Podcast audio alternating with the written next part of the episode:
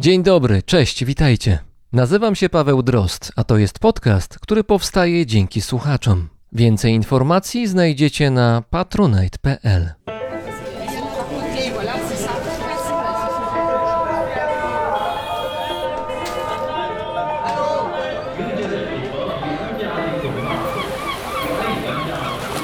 Brzmienie świata z lotu Drozda.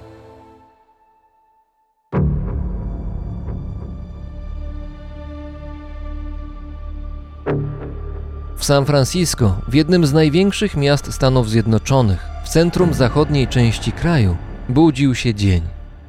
Ci, którzy mieli stawić się w pracy o siódmej rano, powoli schodzili z łóżek. Reszta miasta jeszcze spała. Był 18 kwietnia 1906 roku.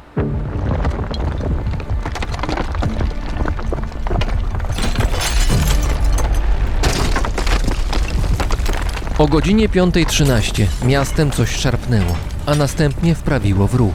Dudnienie, drgania i huk nakładały się na siebie. Pękające ściany przewracały się na ziemię, a ich śladem szły dachy, które swym ciężarem przygniatały wszystko to, co znajdowało się we wnętrzach budynków. Bezładna mieszanina cegieł, drewna i metalu runęła na ulicę. Powstały z tego pył był tak gęsty, że ludzie, którym udało się uciec z walących się domów, ledwo mogli dostrzec wyciągane przed sobą dłonie.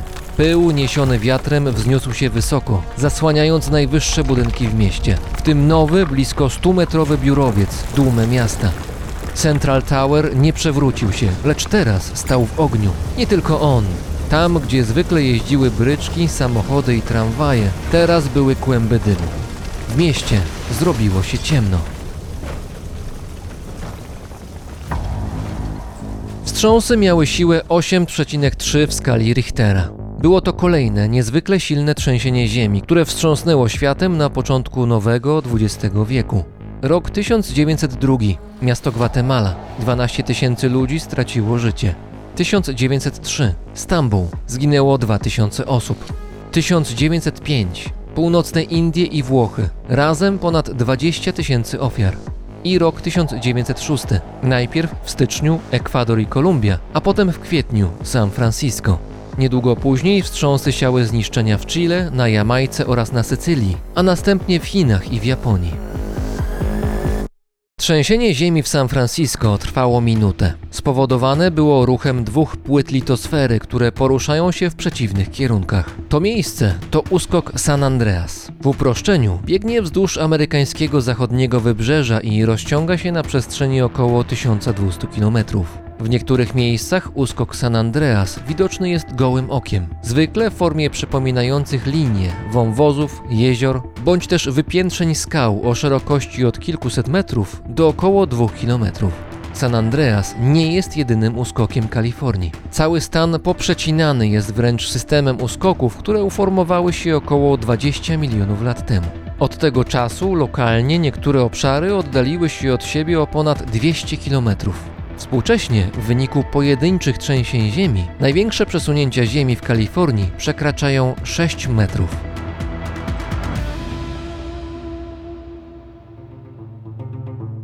Trzęsienie ziemi z 18 kwietnia 1906 roku sprawiło, że około 520 drapaczy chmur przestało istnieć, podobnie jak 28 tysięcy zwykłych budynków mieszkalnych oraz użytkowych. W mieście, które liczyło ponad 400 tysięcy mieszkańców, dach nad głową straciła, według różnych szacunków, co druga osoba lub nawet 3 czwarte ludzi. Gigantyczne zniszczenia, z których miasto podnosiło się przez kolejne lata, spowodowane było nie tylko przez same wstrząsy. Nie mniej niszczycielskie były pożary, karmione przez uszkodzone instalacje gazowe. Ogień przenosił się z domu na dom, z ulicy na ulicę, potęgując rozmiar zniszczeń. Gaszenie pożarów było poważnie utrudnione, ponieważ nie działała sieć wodociągowa. By ograniczyć rozprzestrzenianie się żywiołu, żołnierze wysadzali niektóre partie ulic. W wielu przypadkach takie działanie tylko zwiększało liczbę pożarów. Ogień trawił miasto przez cztery dni. Niejedna dzielnica została zrównana z ziemią, a ci, którzy ocaleli, stracili dorobek życia. Tak było choćby w Chinatown, w chińskiej dzielnicy San Francisco. Niespodziewanie dla jej mieszkańców katastrofa okazała się szansą. chociaż w kwietniu 1906 roku jeszcze o tym nie wiedzieli.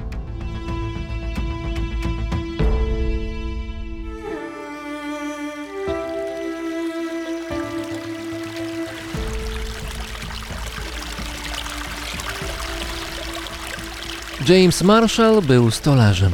24 stycznia 1848 roku pracował przy budowie rzecznego tartaku, gdy w wodzie zauważył świecące kamienie. Dzięki temu znalezisku zapisał się w historii. Wieść o odkryciu złota w dalekiej Kalifornii wpłynęła nie tylko na losy Amerykanów. Dobra wiadomość przez Pacyfik dotarła do Chin. Kraj był wtedy targany powstaniami na północy i południu cesarstwa, a los zwykłych ludzi był trudny do pozazdroszczenia. W poszukiwaniu lepszego jutra niektórzy Chińczycy, sprzedając w ojczyźnie swój skromny dobytek, ruszyli do Kalifornii. Jako górnicy szukali tam złota. Gdy chętnych do poszukiwań było coraz więcej, między poszukiwaczami różnych nacji oraz różnego pochodzenia narastała rywalizacja. Faworyzowani byli biali Amerykanie, którzy jako gospodarze chcieli usunąć przybyłą z zagranicy konkurencję. W odpowiedzi na nastroje społeczne w 1850 roku władze Kalifornii wprowadziły obowiązek posiadania licencji górniczej, którą musieli kupić górnicy imigranci, a więc przede wszystkim Chińczycy. Opłata za licencję była bardzo wysoka i wynosiła 20 dolarów miesięcznie. Mimo, że rok później opłatę zniesiono, część Chińczyków, którzy stanowili w Kalifornii jedną trzecią wszystkich imigrantów, porzuciła kopalnię i zatrudniła się przy budowie pierwszej kolei transkontynentalnej, która łączyła zachodnie i wschodnie wybrzeże USA.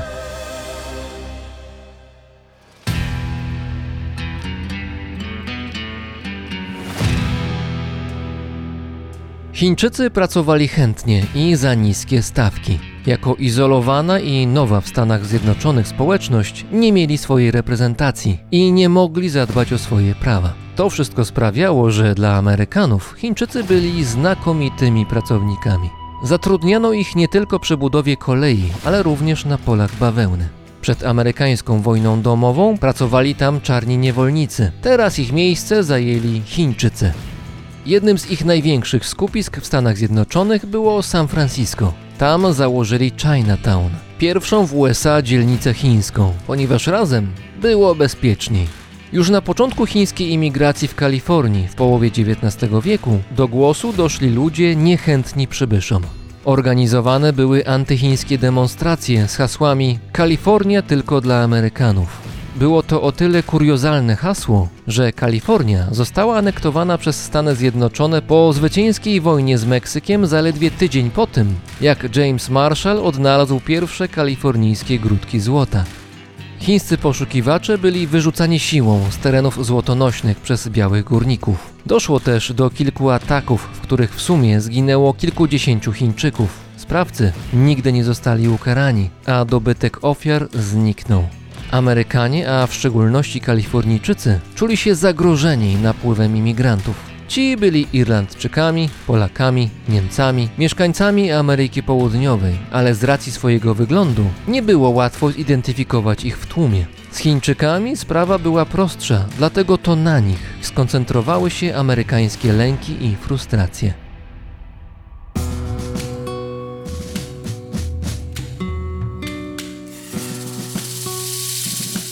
Lata 70. XIX wieku to schyłek gorączki złota i wyższe bezrobocie, które sprzyjało społecznym napięciom. A kiedy jest problem, trzeba znaleźć winnego.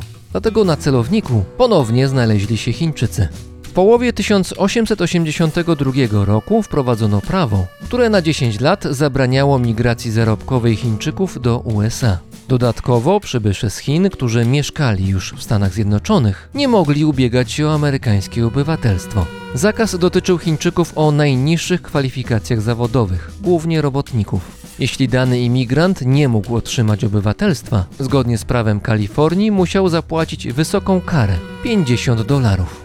Jednocześnie obowiązywało prawo, które zakazywało małżeństw międzyrasowych między białymi Amerykanami a chińskimi imigrantami. Pod koniec XIX wieku większość Chińczyków w USA nie mogło odwiedzić swoich rodzin w Chinach, ponieważ nie mogliby do Stanów Zjednoczonych powrócić.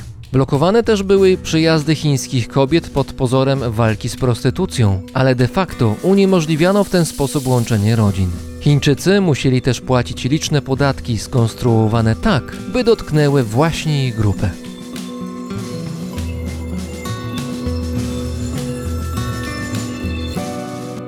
Chińczykom utrudniono pracę, utrudniano codzienne życie, pozbawiano ich kolejnych praw i szans, zniechęcano do przyjazdu. Te zakazy, jak i kolejne obostrzenia miały ewidentnie rasistowskie i ksenofobiczne fundamenty. Amerykanie bowiem bronili się przed domniemanym żółtym zagrożeniem. W późniejszych latach było to ekonomicznie nieracjonalne zachowanie, ponieważ Ameryka potrzebowała rąk do pracy i imigranci z Azji byli wręcz niezbędni. Wprowadzane przez władze prawa zmniejszały szanse na integrację Chińczyków USA oraz powiększały dystans i nieufność do przybyszów z Chin. Ci musieli borykać się z innym jeszcze problemem. Większość z nich, by opłacić przejazd do wymarzonego kraju po drugiej stronie oceanu, musiała zaciągnąć dług w ojczyźnie. Podpisywali umowy, które w Ameryce zmuszały ich do kilkuletniej pracy we wskazanych wcześniej miejscach, co miało znamiona pracy niewolniczej. Czasem byli to niewolnicy sensu stricto.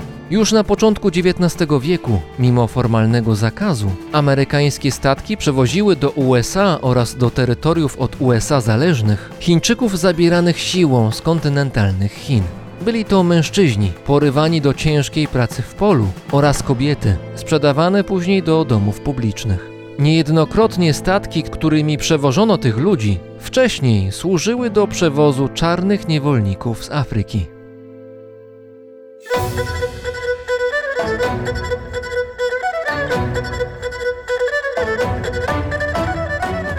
Chińczycy byli w Stanach Zjednoczonych obcy i podejrzani, a akcja rodzi reakcję. W odpowiedzi na rosnącą wobec nich niechęć oraz kolejne utrudnienia formalne, Chińczycy zaczęli się organizować i jeszcze bardziej trzymać się we własnej grupie. Próbowali też szukać sprawiedliwości w amerykańskich sądach, ale niekorzystne dla nich prawo sprawiało, że byli na straconej pozycji. W walce z przeciwnościami wykorzystywali więc metody pozaprawne. Gdy antychińskie prawo zabraniało sprowadzania chińskich rodzin do USA wszystkim Chińczykom oprócz kupców czy przedsiębiorców, Przedstawiciele innych zawodów odpłatnie dopisywali się jako współwłaściciele różnych sklepów czy biznesów, stając się tylko na papierze przedsiębiorcami. Paradoksalnie sytuację Chińczyków znacznie poprawiło trzęsienie ziemi w San Francisco z 1906 roku. Podczas katastrofy zniszczone zostały urzędowe archiwa mieszkańców. Ponad 400 tysięcy ludzi. I Chińczycy zaczęli powoływać się właśnie na te dokumenty. Wielu chińskich imigrantów twierdziło, że nie tylko ma prawo do podróżowania między USA a ojczyzną, co nawet, że mają amerykańskie obywatelstwo.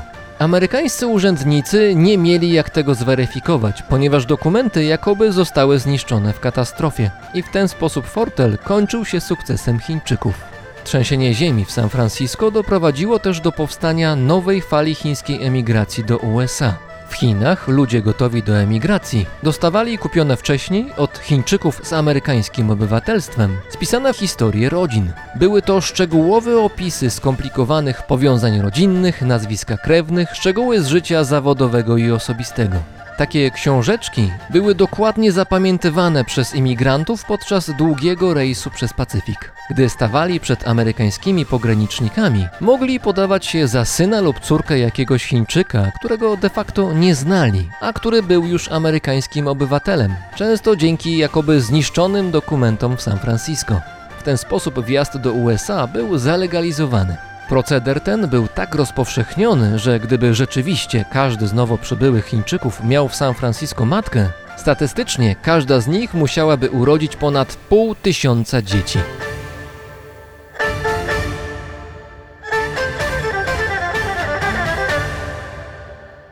Gra w kotka i myszkę trwała kolejne dziesięciolecia. Gdy władze tworzyły nowe, dyskryminujące Chińczyków ograniczenia, ci szukali sposobu, by zmniejszyć ich negatywny skutek. Gdy w 1915 roku Amerykanie ogłosili, że prawo do ponownego wjazdu do USA mają Chińczycy prowadzący restauracje, zapoczątkowało to niebywały rozkwit chińskiej kuchni na amerykańskiej ziemi. Robotnicy, pracze, pracownicy dorywczy, większość z nich natychmiast stanęła przed garnkami i wokami. Jednocześnie ich byt zauważalnie się poprawił, ponieważ kung pao chicken, chow mein i inne chińskie potrawy z czasem trafiły również do amerykańskiego podniebienia. Rosnące jak grzyby po deszczu chińskie restauracje umożliwiały dalsze legalne sprowadzanie chińskich krewnych do USA, a nowo przybyli dołączali do kulinarnego biznesu lub tworzyli nowe, własne restauracje.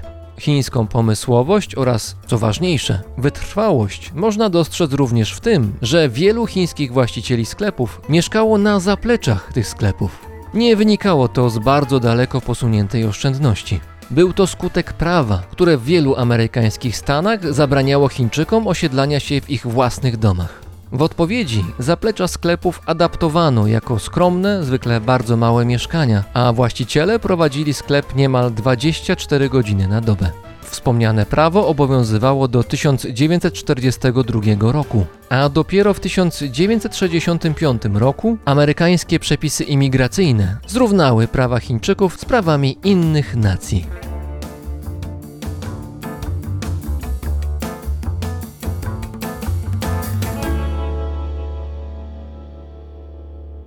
Obecnie w Stanach Zjednoczonych mieszkają ponad 4 miliony ludzi, którzy deklarują chińskie pochodzenie. Czasie prezydentury Donalda Trumpa oraz na początku pandemii nastroje antyazjatyckie po długiej przerwie znowu urosły w siłę.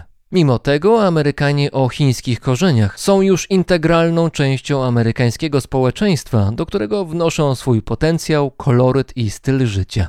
Podobnie jak ludzie pochodzenia irlandzkiego, meksykańskiego, japońskiego, polskiego i wielu, wielu innych. Zostali zaakceptowani i przyjęci. W tym odcinku usłyszycie opowieść o narodzie, który mimo setek lat obecności tuż obok nas, wciąż uznawany jest za obcy, gorszy, niechciany. Posłuchajcie.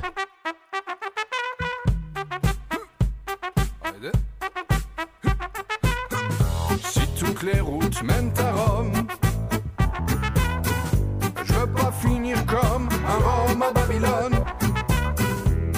si l'humanité slalom, je veux pas finir comme un Rome à Babylone. J'ai fait du nomadisme touristique au lever de rideau soviétique à la rencontre du premier type. Where do you come from? J'ai vu des faux seigneurs d'Égypte antique ou du Rajasthan romantique, tous parqués en périphérique. Where do you come from? Rome. Si toutes les routes mènent à finir comme un Rome à Babylone. Et si l'humanité slalom, je veux pas finir comme un Rome à Babylone. Escale en bidonville, belle ville biblique. Sac de Rome et tout se complique. Carnet de voyage anthropométrique. Et tous ces hippies gypsy nostalgiques. Et tous ces roms baba mélancoliques. Tête de turc ou héros tragique. Rome. Si toutes les routes mènent à Rome. Je veux pas finir comme un Rome à Babylone. Et si l'humanité slalom,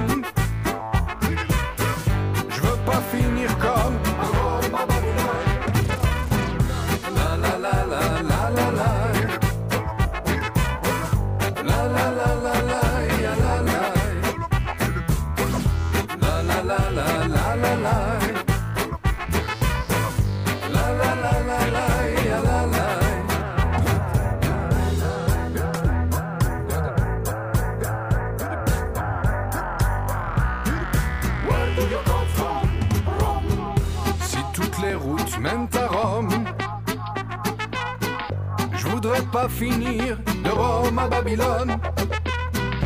Et si l'humanité slalom, je veux pas finir comme un Rome à Babylone. La la la la la la la. La la la la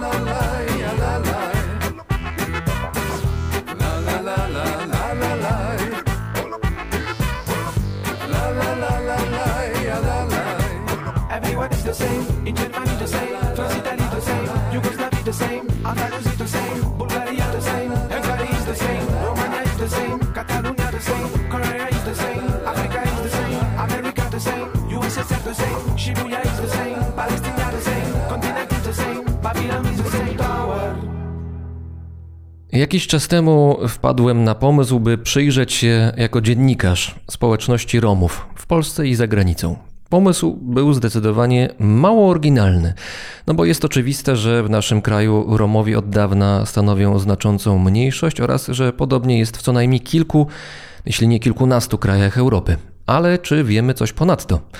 Na ten temat powstało relatywnie mało książek, jak mi się wydaje. Bardzo rzadko natknąć się można na merytorycznie dobre reportaże poświęcone właśnie Romom, no więc pomyślałem, że warto tę lukę uzupełnić. Zacząłem wstępne przygotowanie, aż kilka osób powiedziało mi, Zostaw to, będziesz się bardzo starał, będziesz szukał, będziesz pytał, a i tak w finale nie znajdziesz wielu odpowiedzi albo na pytaniach się skończy. Podobno dowiedzieć się czegoś wiarygodnego o Romach to bardzo trudne zadanie a dowiedzieć się czegoś o Romach od nich samych, no to podobno zadanie niemal niemożliwe.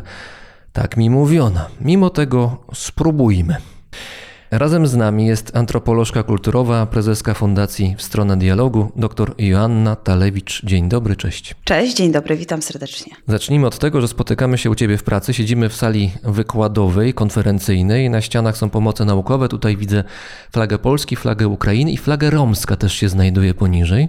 Ta ostatnia flaga przypadkowa nie jest, ponieważ znajdujemy się w Centrum Społeczności Romskiej w Warszawie, gdzie siedzibę ma Fundacja w Stronę Dialogu. No i ta siedziba to nie jest wóz ciągnięty przez konie. Nie będziemy też śpiewać przy ognisku. Obok nas stoją mikrofony, a nie szklana kula. I no i nie będziesz mi wróżyć z ręki, jak sądzę. Czasy się zmieniają, ale stereotypy mają się bardzo dobrze. Są, można powiedzieć, kalendarze odporne. Wciąż trwają na posterunku. Będziemy się im teraz przyglądać i będziemy uzupełniać braki wiedzy, no bo te braki ewidentnie są. Skąd się wzięli Romowie? Praprzodkowie i praprzodkinie romskiej społeczności pochodzą z Indii. Indię Romowie opuścili między V a X wiekiem. Przez Persję, Armenię i Bizancjum rozprzestrzenili się, szukając swojego miejsca w różnych państwach europejskich. I tutaj do Europy trafili gdzieś na przełomie XIII-XIV wieku. Tak, początek XV wieku to ten czas, kiedy Romowie pojawiają się w Polsce. Kawał czasu, prawda? No właśnie, z jednej strony kawał czasu, ale z drugiej strony to jest relatywnie niedawna historia. Jeszcze jakoś w świadomości ludzkiej nie Romów mam wrażenie, że funkcjonuje coś takiego, takie przekonanie, że to ciągle są ludzie jakoś obcy, to ciągle są ludzie jakoś nie nasi, jakoś nie z tych stron. Ta obcość jest między nami barierą. Z czego to wynika i czy moje przekonanie jest, jest prawidłowe? No bo może przesadzam. Słuchając Ciebie, kiedy przedstawiałeś albo zapowiadałeś naszą, naszą rozmowę, w zasadzie znalazłam odpowiedź na pytanie. Ale to są autentyczne historie, to znaczy ja przywołałem naprawdę historie z moimi znajomymi i nie mówię o osobach, które są nieczułe na wiedzę, którą powinny rozszerzać na temat świata, który nas otacza. Absolutnie nie. To są osoby i oczytane, inteligentne i otwarte na, na, na rzeczywistość, a jednak no, taka opinia mnie spotkała. Wiesz, ja zdaję sobie sprawę z tego, bo ja też w bardzo różnych środowiskach funkcjonuję. Oprócz tego, że jestem prezeską Fundacji w stronę dialogu, o której wspomniałeś, no to przecież też spędziłam lata na polskich uczelniach i nie tylko, więc ja wiem, że ten brak wiedzy, bo o tym mówimy, to domena wielu środowisk, grup, społeczności, także tych, które interesują się prawami człowieka czy różnorodnością i są wrażliwe kulturowo i mają kompetencje kulturowe. I jestem tego absolutnie świadoma. Natomiast te kalki powtarzane bardzo, bardzo często, że właśnie o nas nie można znaleźć informacji, że Romowie są hermetyczni, że trudno jest dotrzeć do jakiegokolwiek sedna, są powodem tego, że nie weryfikuje się, a powtarza.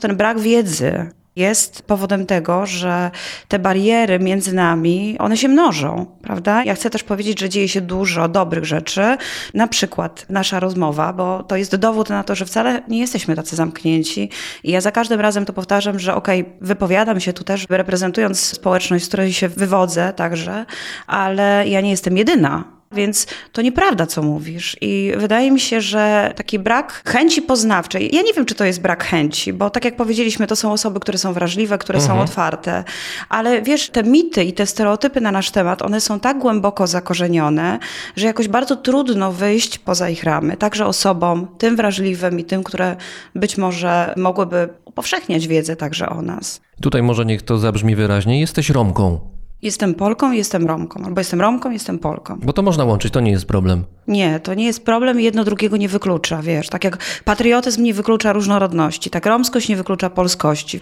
Mamy różne narodowości, mamy bardzo różne tożsamości i one wcale nie muszą być jednoznaczne i nie muszą być kwestią wyboru. I ustalmy jeszcze jedną rzecz. Będziemy rozmawiać o Romach, a nie o Cyganach. Będziemy rozmawiać o Romach, którzy znani są także jako Cyganie. Romowie zamieszkują całą Europę właściwie. To jest największa mniejszość etniczna, czy nawet narodowa, można powiedzieć, kontynentu. Około 12-15 milionów ludzi. Są różne szacunki tutaj, w zależności od tego, jak się liczy.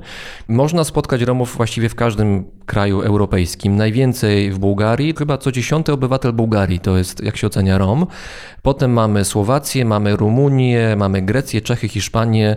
Tam jest Romów najwięcej. W Polsce to jest grupa stosunkowo nieduża, chociaż zauważalna. To znaczy mówimy o kilkunastu tysiącach, kilkudziesięciu tysiącach ludzi jakoś tak, prawda? Kilkudziesięciu, mówi się około 30 tysiącach Romów w Polsce. A najciekawsze jest to dla mnie, to jest przyznam, że odkrycie niedawne dla mnie, że całkiem duża społeczność romska mieszka po drugiej stronie Atlantyku w dwóch państwach, w Stanach Zjednoczonych i Brazylii. Tak. I nie tylko. Ja też chciałabym uzupełnić, że Romowie mieszkają w Europie, ale nie tylko. Nie tylko w Stanach, nie tylko w Brazylii, ale też w wielu pozaeuropejskich państwach. Nie wiem, czy są miejsca, zapewne tak, w których Romów nie ma, bo jednak te losy na przestrzeni wieków tych ludzi wpisane były w różne historie europejskie i pozaeuropejskie, które miały miejsce. Kolonializm jest takim przykładem, kiedy Romowie także byli dołączani do społeczności, które były wywożone do zamorskich kolonii, gdzie pracowali. Stąd też można Romów spotkać także w najbardziej egzotycznych zakątkach świata, co właśnie jest związane z tym okresem historii, z tym, co się działo wówczas. Romowie nie są oderwani od rzeczywistości. Ja wiem, że często nas się zamyka w jakimś mentalnym także skansenie lub getcie, ale prawda jest taka, że my dzielimy losy, historie, troski, często bardzo także jakieś emocjonalne i uczuciowe sytuacje z osobami, które są nieromskiego pochodzenia, które są mieszkańcami, mieszkankami różnych państw, prawda? Więc my tutaj nie jesteśmy odłączeni od tego. Stąd też nie można jakoś zamykać Romów dzisiaj w jakichś ramach, także mówię tutaj o granicach państw, dlatego że no dzisiaj także żyjemy w dobie migracji, możemy się przemieszczać szybko. Romowie też z tego korzystają, więc ja nie wiem, czy ja dzisiaj mogłabym powiedzieć, że są państwa, w których Romów nie ma, bo ja nie wiem. W czasie wojny w Iraku, i to było dla mnie nowe, bo odkrywałam też historię Romów, którzy też dzisiaj mieszkają w Turcji i w różnych innych państwach, właśnie dzieląc los innych osób uchodźczych. Musimy pamiętać, że mówiąc o Romach, mówimy o takim kontekście bardzo intersekcjonalnym, czyli mamy różne tożsamości, oprócz tego, że romskie, ale właśnie też dzielimy różne historie, jesteśmy częścią różnych sytuacji, które mają miejsce. Status mamy różny, bo ty mówiłeś, że jesteśmy największą mniejszością i to jest prawda, czy mniejszością etniczną, czy narodową. Chciałabym powiedzieć, że to zależy. Każde państwo ma swoje jakieś uwarunkowania prawne, ustawodawstwa i tak też na przykład w Polsce Romowie posiadają status mniejszości etnicznej. Od 2015 roku mamy ten status. E, Świeża historia. Świeża historia, no bo od tego czasu w Polsce funkcjonuje ustawa do spraw mniejszości narodowych, etnicznych i języków regionalnych, ale są państwa, w których Romowie mają status mniejszości narodowej, na przykład w Niemczech, czy nie posiadają żadnego statusu, albo mają status narodu, więc to bardzo zależy. U nas jest to historia, tak jak powiedziałeś, stosunkowo świeża, bo w ogóle, i to też jest powrót do początku naszej rozmowy, dlaczego tak mało sobie wiemy, dlatego że my w ogóle w Polsce mało wiemy albo mało czujemy stosunkowo kompetencje Oj, kulturowe, temat, wiesz, to, tak. Ja, ja, ja zawsze temat. mówię, że przeciętny Polak, no przepraszam, że generalizuję, ale podpisuję się pod tym, co mówię teraz, ma taką perspektywę, że świat znajduje się między Odrą a Bugiem.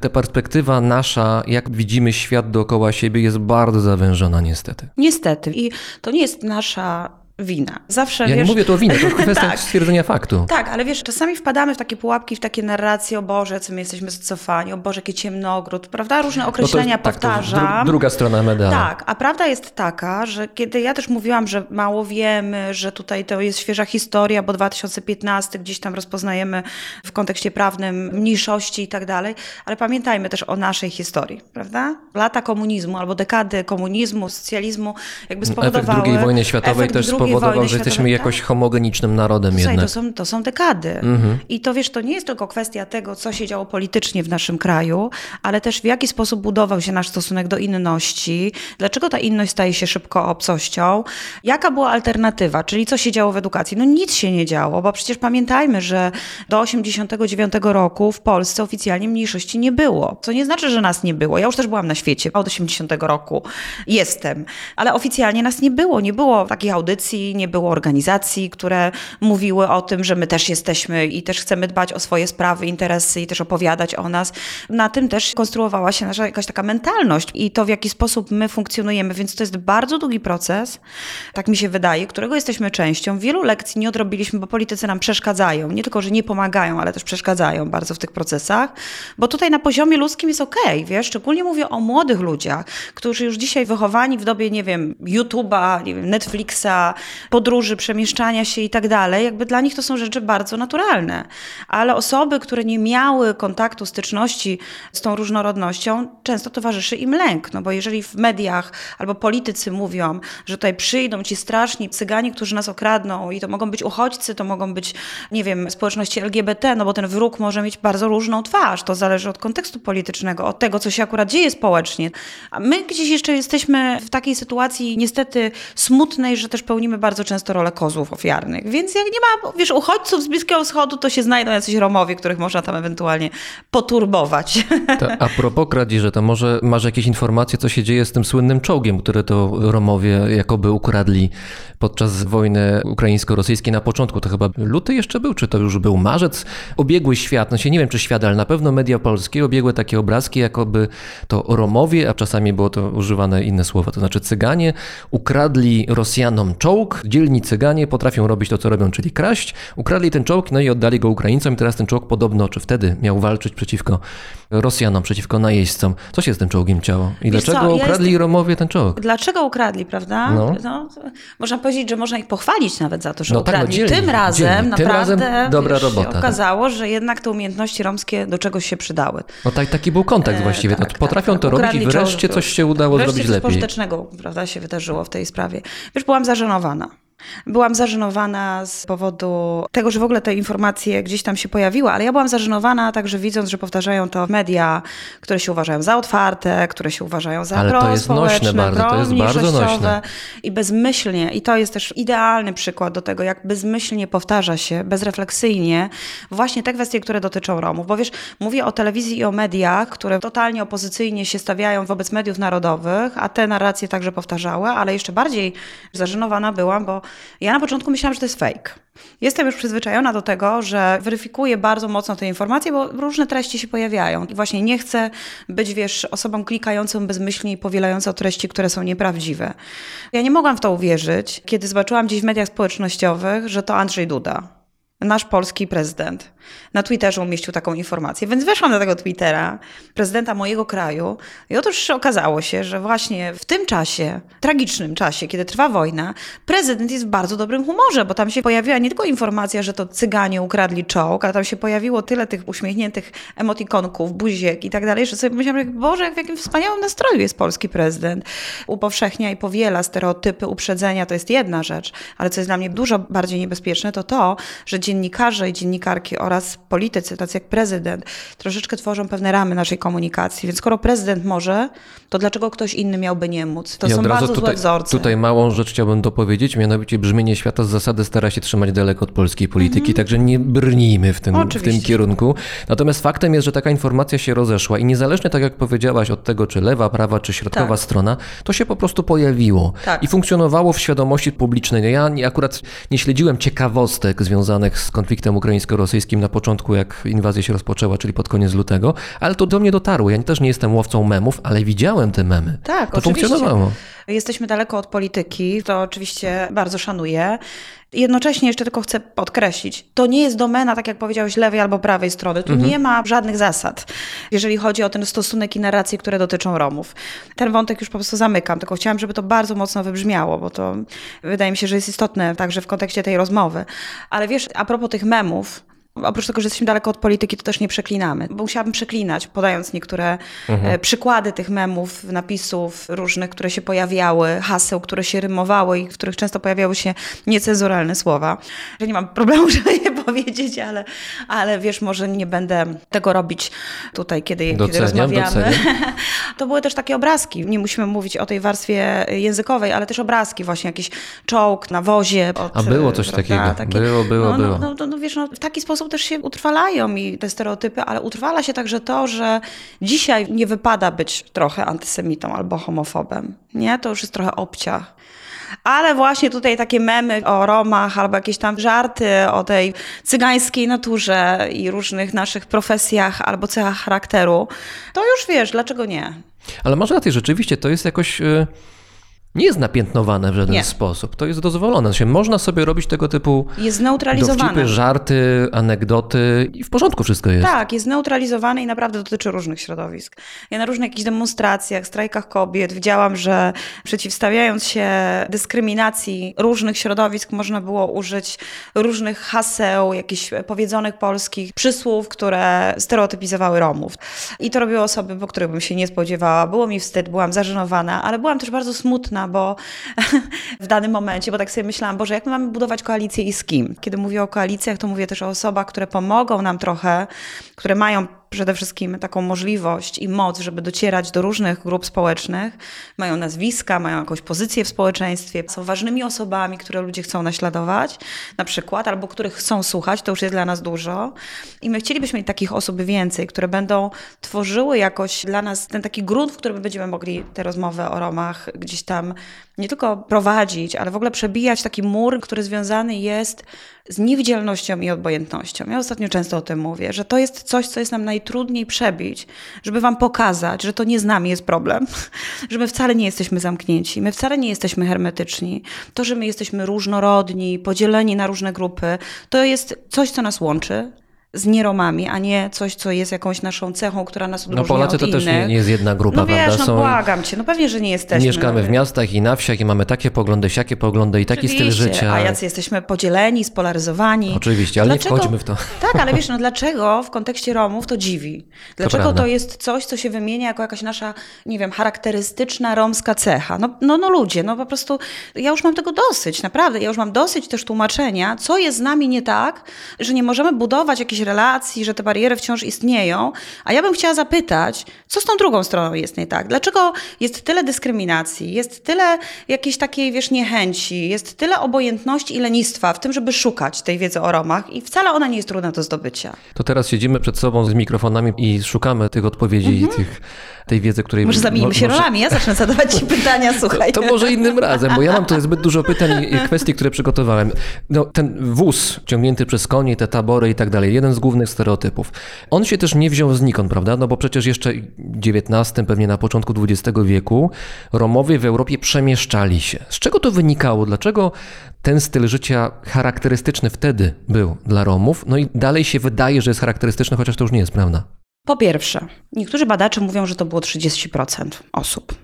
Którzy... z naszej społeczności, którzy się przemieszczali. Aha. I teraz zobacz, co zrobił stereotyp. Znaczy, bez względu na to, gdzie się znajdujesz i bez względu na to, czy miałeś, czy nie miałeś kontaktu z Romami, to stereotyp dotyczący nomadyzmu jest tym jednym z najczęściej przywoływanych. na prawda? głowie i gitara w tak, ręce i Tak, i ore, ore. Tak, znamy to. to jest pierwsza rzecz. Nie wszyscy Romowie wędrowali. Jest to nieprawda, że Romowie to lud nomadyczny. Jest to nieprawda, że Romowie to wieczni wędrowcy. Są to jakieś romantyczne wyobrażenia, które utrwaliły się szczególnie w Polsce i w ogóle w Europie Środkowo-Wschodniej, gdzie najwięcej chyba Romów przemieszczających się mieszkało. W krajach zachodnich też się przemieszczali. Nie było koni, tylko były przyczepy. Ale to mówię, to mówimy o jakiejś grupie osób, która prowadziła taki tryb życia. Niektórzy mówią w krzywdzący sposób nieustabilizowany tryb życia. On był bardzo ustabilizowany, dlatego że nie był żadną włóczęgą, tylko był związany z ekonomicznymi podstawami życia Romów. Bo No oni... właśnie, o tej ekonomii porozmawiajmy, bo to nie było tak, że ach, pojeździmy sobie po Europie. Nie, to z czegoś to fajnie wynikało. Będzie, wiesz, rozbijemy sobie wozy w lesie i będziemy sobie tańczyć przy ognisku i w ogóle nigdy się tym nie znudzimy. Nie, wiesz, moja rodzina i mój dziadek i inne osoby z mojej rodziny prowadziły wędrowny tryb życia. Już mój ojciec się urodził w taborze. Pochodzę z tej grupy, która ma tej tradycje nomadyczne. I zawsze to było tak, ja to pamiętam z opowieści ojca i innych osób ze swojej rodziny, że oni wypełnili jakąś niszę gospodarczą. Byli właśnie kowalami, podkuwali koni, trudnili się handlem. Rzemiosło często. Róż, tak. To, że się przejeżdżali, dawało im pewną przewagę, jeżeli chodzi o konkurencję, bo zobacz, oni docierali do klienta. Prawda? Aha. I kiedy kończyła się podaż, kiedy kończyło się zainteresowanie usługami, które oferowali, trzeba było zmienić miejsce. Czy to jest model biznesowy, Po prostu to powiedzieć? był model biznesowy, pewien rodzaj ekonomii, która była charakterystyczna w tamtym czasie dla akurat tej grupy nomadycznej. Zawsze tak jest, że grupy nomadyczne, grupy osiadłe albo różne warunki środowiskowe powodują, że ludzie mają ten, a nie inny rodzaj profesji, które wykonują. Uprawiają takie, a nie inne, nie wiem, warzywa, trudnią się takimi, a nie innymi rzeczami. To dużo zależy od tego, gdzie się znajdujemy, jak żyjemy, w jakiej szerokości geograficznej mieszkamy. I to było z tym związane. I zwróćmy uwagę też na to, że to nigdy nie była droga przypadkowa. Romowie rzadko trafiali do miejsca, w którym już się zatrzymywali. Były różne znaki, które mi też, które pomagały się grupom komunikować, żeby na przykład kolejna grupa nie pojawiła się zaraz po tej, która wyjechała, bo wiadomo, że te usługi zostały tam wypełnione. Aha, Więc to był, aha. wiesz, To- to bez komórek, racjonalne. słuchaj, bez komórek, bez jakichś GPS-ów, to był świetnie funkcjonujący model. Oni zawsze zatrzymywali się w pobliżu jakiejś wioski. Oczywiście musiała być woda, bo były konie Mhm. i tak dalej, więc oni byli po prostu konkurencyjni. W 1964 roku wydano szereg ustaw w Polsce, które uniemożliwiły Romom przemieszczanie się. I tragedia polegała na tym, że nie było żadnego innego alternatywnego pomysłu, co dalej. Tylko Romowie zostali uzależnieni wówczas od państwa i od pomocy państwa, bo nie mogąc się przemieszczać, niektórzy byli szczęściarzami i trafili do jakichś mieszkań. Nie wiem, czy to było szczęście, bo też bardzo dużo się wtedy działo. Po raz pierwszy Romowie i nieromowie znaleźli się w takich bliskich relacjach i stosunkach i nikt im nie pomagał tych relacji i stosunków jakoś układać i budować. A Romowie, którzy funkcjonowali w lesie, no przyszli z tym całym swoim bagażem różnych przyzwyczajeń, zachowań, tym, czy mówią głośno, czy cicho. Nikomu to w lesie nie przeszkadzało, a w mieszkaniu tak. Dla nich wartością nie było to, że mają podłogę, tylko dla nich wartością to, że mogli przed blokiem rozpalić ognisko i żyć tak, jak żyli dotąd. To był też szok kulturowy, który towarzyszył obu grupom. I to też jest źródło bardzo wielu stereotypów i uprzedzeń, które znamy doskonale do dnia dzisiejszego. Ale wiesz, chciałam jeszcze wrócić do tego, skąd ten nomadyzm, bo wydaje mi się, że to też warto powiedzieć, że to wcale nie jest prawdą, że to jest jakaś nasza cecha kulturowa, która od zawsze Romom towarzyszyła. Bo tak naprawdę my nie wiemy, jak to było. Wiemy na pewno, że Romowie gdzieś z terenów dzisiejszych Indii przybyli, czyli to była ta pierwsza duża migracja. właśnie. Potem były gdzieś Bałkany i z Bałkanów dalej na część dalszą Europy, no i właściwie na cały świat. To wiemy, to jest fakt. Ale nie wiemy na przykład nic o okresie tym indyjskim Romów. Mhm. I teraz wiemy prawdopodobnie, gdzieś tam sobie żyli w północno-zachodniej części Indii, gdzieś tam w okolicach Rajasthanu, prawdopodobnie. Różne są hipotezy, z jakiej kasty się wywodzili, ale zobacz, rodowość i kastowość to też jest to, w jaki sposób jest zorganizowana społeczność, czy wiele grup w romskiej społeczności, bo mamy, jesteśmy podzieleni na różne, kilkaset grup prawdopodobnie. My jesteśmy różni bardzo i też nie wszyscy znamy swoje zwyczaje, dialekty języka i tak dalej. Ale wracając do tego nomadyzmu, więc mamy tą kastowość, mamy rodowość, mamy patriarchalną społeczność, co też jest naszą cechą wspólną, zwróćmy uwagę, bo my w Polsce też jesteśmy społecznością patriarchalną. Często się nam to wypomina, ale hello, no po prostu tacy jesteśmy.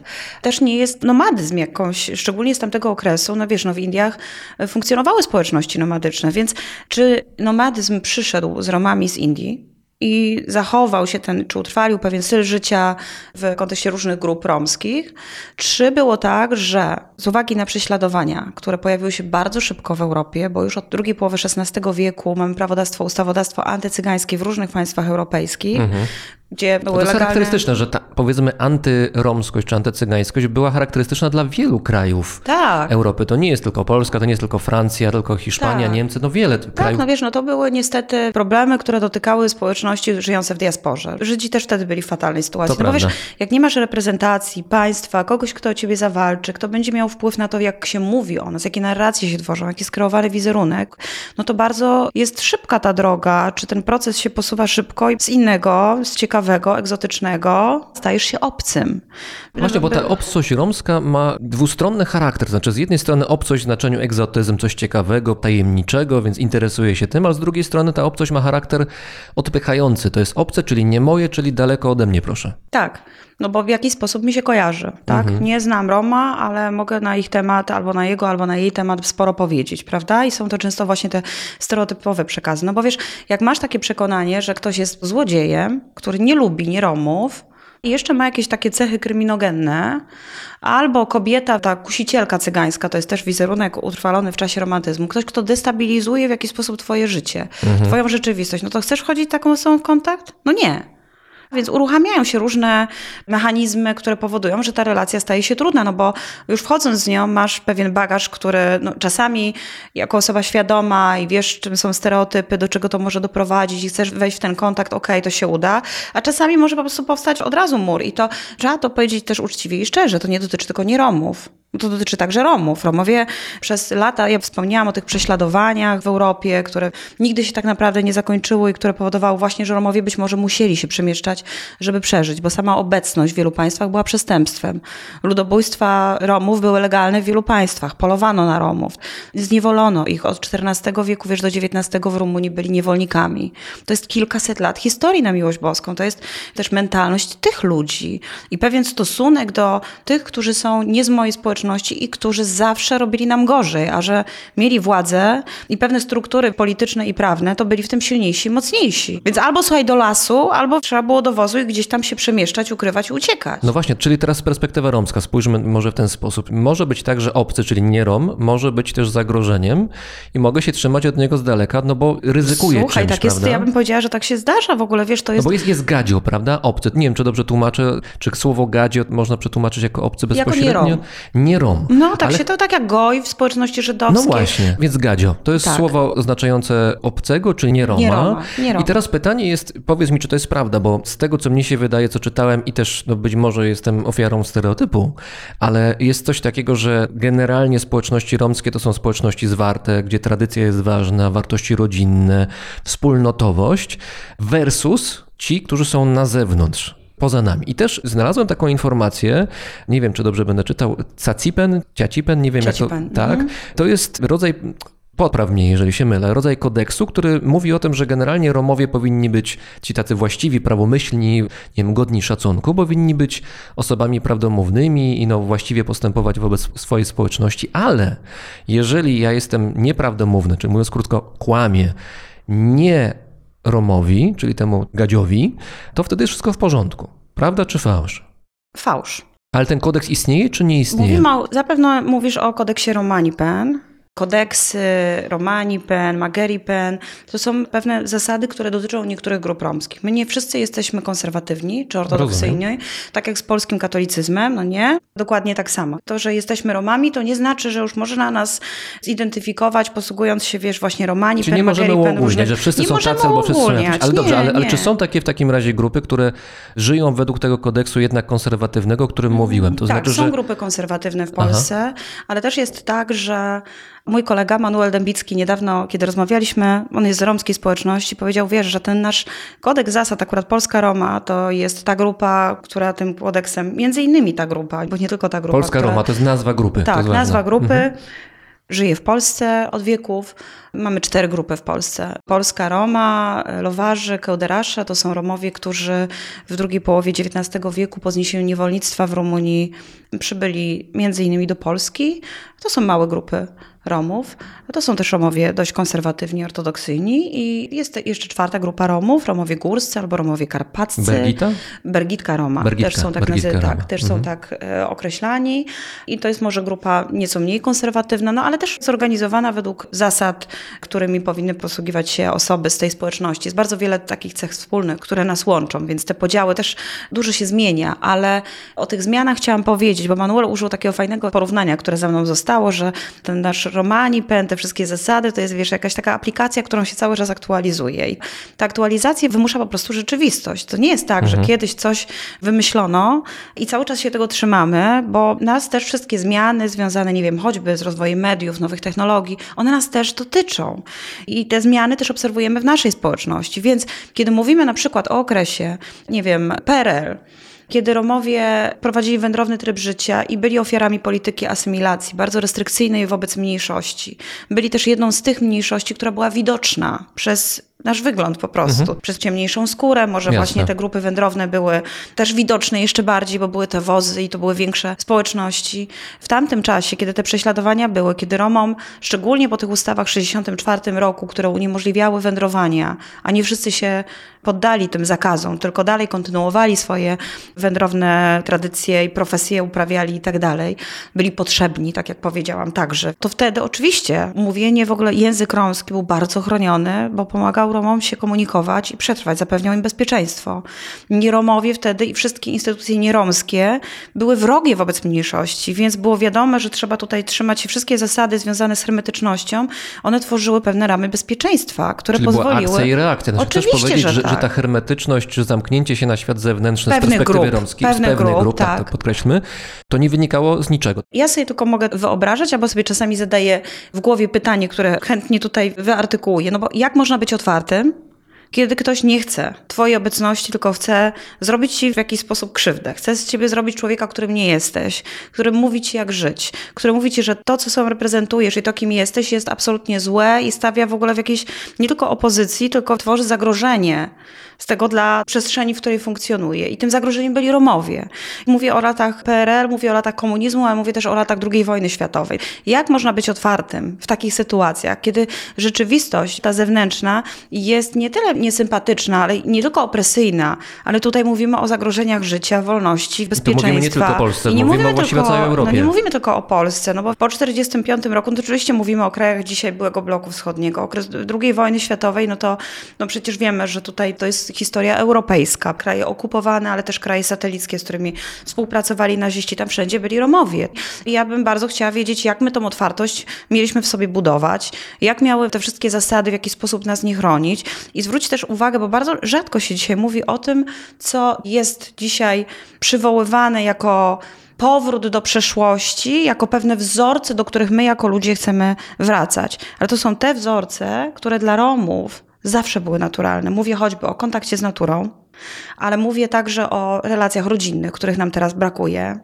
O pewnej takiej więzi międzygrupowej, do której też tęsknimy i mówimy z pewnym sentymentem. Stosunek do starszych, o którym dzisiaj też w społeczeństwie nieromskim, tak zwanym zachodnim, mówimy, Boże, jak te osoby starsze są marginalizowane i tak dalej, i tak dalej. To było coś, co dla Romów zawsze było normalne, ale co zawsze było definiowane jako pewna bariera i przeszkoda w integracji. Ale chcę powiedzieć o jeszcze ważnych cechach, które dzisiaj nawet pojawiają się, bo chyba forum, Światowe Forum Ekonomiczne mówi, że to są jedne takie kompetencji przyszłości, tak? że trzeba być elastycznym, adaptatywnym. To są cechy, które u Romów są bardzo dobrze wykształcone. Zobacz, w tamtym okresie, na przestrzeni wieków, bardzo niesprzyjających Romom. Oni mieli jednak takie poczucie i taki zmysł, że potrafili dostosować się do pewnego środowiska i natychmiast znaleźć pewne sposoby, także które związane są z tym, w jaki sposób kształtowały się relacje Romów i jak wytyczano granice, które pozwoliły wchodzić w bezpieczne relacje z nieromami i które jednocześnie pozwoliły Romom przetrwać. Bo o tym też trzeba powiedzieć. Mówimy o kilkuset latach naprawdę nieprzyjaznej historii Romów. Jeszcze raz przywołam te ludobójstwa, deportacje, próba fizycznej eksterminacji podczas II wojny Właśnie światowej. druga wojna światowa Nie, to wiesz, jest w przypadku Romów wydarzyło się coś, co u Żydów nazywamy Holokaustem. Romowie mają własną nazwę chyba na to, prawda? Nie pamiętam w tej chwili tego Wiesz co, słowa. ta nazwa to zapewne termin poraimos. To jest jedna z kilku. Ta nazwa poraimos, ona się najbardziej jakoś tak przebiła do tej sfery publicznej. Ale też nie- Samudaripen jeszcze Jeszcze jest słowo. samudaripen, Mhm. tak. Ale nie ma tutaj kompromisu, wiesz, bo nasz język też jest podzielony na wiele dialektów, prawdopodobnie na kilkadziesiąt dialektów. I na przykład w dialekcie macedońskich Romów poraimos oznacza żebro. W języku niektórych innych grup romskich może mieć jakieś takie konotacje związane z cielesnością i tak dalej. Jan Hancock to jest romski naukowiec, intelektualista, dzisiaj związany z Uniwersytetem w Austin w Stanach Zjednoczonych, autor wielu publikacji na temat także zagłady Romów. Przez to, że jest tą osobą rozpoznawalną od dekad, tak naprawdę upowszechnił ten termin. Ale tutaj nie ma kompromisu. Nie ma w ogóle kompromisu, bo to jest też tak, że jak ja na przykład reprezentuję Polskę w International Holocaust Remembrance Alliance, to jest taka komisja międzynarodowa, która zajmuje się kwestiami związanymi z edukacją o Holokauście. Ten temat romski jest tam włączony. I tam nie mówi się o Holokauście Romów, tylko mówi się o ludobójstwie Romów, bo jest też bardzo duża społeczność żydowska i tam też nie ma kompromisu. Oni No też mają ten sam, czy kwestie. Shoah, czy Holokaust, czy my jako Romowie, czy to też jest Holokaust, wiesz. Jest wiele definicji. Jak sobie przeczytasz Yad Vashem, to powiesz, że te romskie doświadczenia nie są Holokaustem. Ale jak przeczytasz sobie definicję Holokaustu, nie wiem, zaproponowaną przez Muzeum Holokaustu w Waszyngtonie, to to już jest też doświadczenie Romów. Więc tutaj nie ma jednoznaczności, to nie jest tylko nasza kwestia. Ale mimo zagłady, mimo tych nieprzyjaznych wielu okoliczności, i to bym jeszcze chciała, żeby bardzo wybrzmiało, zobacz, że nasz język przetrwał, cała w ogóle jakaś struktura społeczna i tak dalej, a nie ma e, jakiegoś wzoru literackiego albo jakiejś jednej formy formy literackiej na przykład, która nie jest to język pisany, krótko mówiąc, jest to w ogóle kultura oralna też przekazywana z pokolenia na pokolenie. I zobacz, my jesteśmy, więc to też wiesz, ta elastyczność, adaptatywność Romów i to bardzo taki mocny fokus na przetrwanie, to nie tylko tutaj mówimy o osobach fizycznych i o ludzkim życiu, ale też o całym dziedzictwie, które jest z nami dalej. I uważam, że to powinniśmy też podkreślić, bo my jesteśmy z tego dumni. Zatrzymajmy się chwilę przy języku, skoro poruszyłaś ten temat. Mowa jest o tym, że język romski gdzieś pochodzi z języka, związany jest jakoś spokrewniony z językiem urdu, ze sanskrytem, no z terenem Indii, ale z drugiej strony nie jest to język jeden, tylko jest wiele dialektów, może nawet wiele języków, które nazywamy dialektami. Jak to w Polsce wygląda, jak to wygląda w Europie? Czy, nie wiem, Rom z Polski, jak pojedzie do Francji z Romami miejscowymi, których jest całkiem sporo we Francji, się dogada, czy raczej będą mówić, nie wiem, po angielsku, po francusku, jakimś innym językiem? No, wiesz, może być różnie. Zależy pewnie od grupy, ale tak, język romski wywodzi się prawdopodobnie z sanskrytu, co związane właśnie z tym pochodzeniem indyjskim Romów, ale wiesz, Romowie od setek lat żyją w różnych państwach europejskich. Jak wiesz, język nie jest stały. Język się zmienia. Pojawiają się jakieś nowe słowa. I mamy tutaj do czynienia z zapożyczeniami, z różnymi wpływami języków narodowych. Tak jak my sobie pożyczamy z języka angielskiego albo z innych języków różne formułki, które się gdzieś tam adoptują i stają się częścią naszej mowy. I to samo jest wśród Romów, to się utrwaliło, więc może być tak, że osoba z Polski, która jedzie do Francji, nie porozumie się z francuskim Romem bądź Romką, bo nie będzie znał podstaw języka francuskiego, a tam się zbyt wiele wpływów może pojawić, albo na tyle dużo, że ta komunikacja będzie niemożliwa. Obserwujemy to teraz też komunikując się i też osoby z naszego zespołu fundacyjnego. My wspieramy Romów z Ukrainy, osoby romskiego pochodzenia z Ukrainy i także tutaj są kłopoty komunikacyjne, czyli na przykład niektóre osoby z różnych grup romskich, które mieszkają w Polsce, są w stanie się komunikować z jakimiś grupami z Ukrainy, a niektóre nie. Czy musi być jakaś kompatybilność tak, między nimi, tak? tak? Tak, dokładnie tak. Mhm. Jeszcze sobie pozwolę wrócić do przykładu ukraińskiego. Wyobraź sobie, że w Ukrainie na przykład mieszkają osoby romskiego pochodzenia, które nie posługują się językiem romskim, ani ukraińskim, ani rosyjskim, To przepraszam, jak się komunikują? węgierskim. Węgierskim. No właśnie, więc znowu, zobacz, nasza historia to jest też historia państw, w których żyjemy, mieszkamy i tak dalej. Wiesz, w Ukrainie Romowie jeszcze bardziej są różnorodni niż w Polsce. Tam jest więcej grup romskich i jedną z tych grup stanowią osoby, które mają podwójny status. Są mniejszością romską i węgierską. Podwójne obywatelstwo i oni posługują się tylko i wyłącznie językiem węgierskim. Zresztą co stanowiło duże wyzwanie dla nas, bo, No bo domyślam się, my się wszystko na ukraińsko-romski tutaj przygotowaliśmy, a tutaj nagle ciach. Nas to zaskoczyło, przecież wiemy o tym. Zobacz, my też wpadamy w te pułapki różnych właśnie stereotypów, kalek, nie? A tutaj proszę, jaki mamy poważny brak. Nie mamy osoby węgierskojęzycznej w zespole. To się bardzo szybko udało na szczęście jakoś odpowiedzieć na to zapotrzebowanie, że tak powiem, na to wyzwanie odpowiedzieć, ale to jest naprawdę no, bardzo, bardzo różnorodna sytuacja. Są na przykład Romowie na Węgrzech albo w Hiszpanii, którzy w ogóle nie posługują się językiem romskim, bo w przeszłości ten rodzaj prześladowań był na tyle restrykcyjny, na tyle silny, że Romowie utracili język. Na terenie dzisiejszej Hiszpanii za posługiwanie się językiem romskim można było trafić do więzienia, można było mieć wypalone oczy rozżarzonym żelazem. To mówimy o i- średniowieczu, czy trochę wcześniejszych czasach? Mówimy o późniejszych czasach, ale też zahaczałam o średniowiecze, bo to się wtedy rozpoczęło, ale trwało. Romowie nawet nie mogli siebie nazywać Romami, tylko musieli się nazywać nowymi Kastylijczykami. Zresztą na Węgrzech, w ogóle na terenie Austro-Węgier, zaproponowano im też nową nazwę. Mieli być nowymi Madziarami. Zresztą na terenie Austro-Węgier w ogóle jest taka historia też mało znana. Romskie dzieci były odbierane romskim rodzinom. To były czasy panowania Marii Teresy i później syna Chyba Józef II, zawsze mi się myli drugi czy piąty. Jakiś Józef. II. Taki. I to były dekady, kiedy dzieci romskie były odbierane od rodziców i oddawane do domów poprawczych, gdzie Ale pod miały jakim przejść. hasłem? To znaczy chodziło o ucywilizowanie Tak, tych chodziło dzieci? o ucywilizowanie. Aha. To jest, wiesz, podobna historia, której doświadczyli aborygeni, prawda? Mniejszość amerykańska. Grenlandczycy w Danii tak samo, to dokładnie znana tak, historia. Tak, Mhm. dokładnie tak. To była resocjalizacja, to było to, jak zrobić z Romów nie Romów. I to samo było na terenie dzisiejszej Hiszpanii, gdzie naprawdę nie można było gromadzić się w grupkach. Ta polityka asymilacji, ona się wcale nie jest domeną komunistów czy jakiegoś socjalizmu. Ona jest domeną różnych polityk, które były adresowane do Romów od XVI wieku. Mówiłam o niewolnictwie. My No sporo wiemy o niewolnictwie Rozumiem proszę temat. Powiedziałaś, powiedziałaś o niewolnictwie Romów na terenie Rumunii chyba jeszcze w XVIII wieku. Jak to działało? O co chodzi? Od XIV, Od do XIV. drugiej połowy XIX. To to były tereny Siedmiogrodu i Wołoszczyzny. Oczywiście wiemy, że mapa wyglądała inaczej i prowadzono ustawodawstwo, które determinowało ich przynależność do różnych władców. To był kościół, to była szlachta, to byli chłopi i była mała grupka Romów, która nie należała do nikogo. To są takie główne podziały, które wiążą się też z tym, jak kształtowała się tożsamość romskich grup na przestrzeni tych wieków. No oni byli przedmiotem handlu, są też różne grafiki, zdjęcia z przyszłości, które można znaleźć w archiwach, gdzie widać Romów zakutych w łańcuchy, którzy byli tanią siłą roboczą. I takie było ich przeznaczenie. Rumunia dzisiejsza wymazała te części historii w ogóle z programów edukacyjnych. Wymazano to w ogóle ze świadomości jako coś, co nie jest częścią tożsamości rumuńskiej i jakiegoś dziedzictwa także historycznego. O tym się nie mówi, o tym się nie edukuje. I tego się w żaden sposób nie rozpoznało, nie było żadnych rekompensat. Bo ja wiesz, ja mówię o rzeczach odnosząc się też do tego, co działo się po niewolnictwie w Stanach. Na przykład bardzo duży obszar badań związany z międzypokoleniową traumą. U Romów to w ogóle Romowie zostali wielokrotnie wykluczeni z grona ofiar. Zobaczmy, o tym nie wiemy. To jest najdłuższe niewolnictwo i to w Europie, o którym my, Europejczycy i Europejki, nie wiemy. Coś o niewolnictwie w Stanach możemy powiedzieć.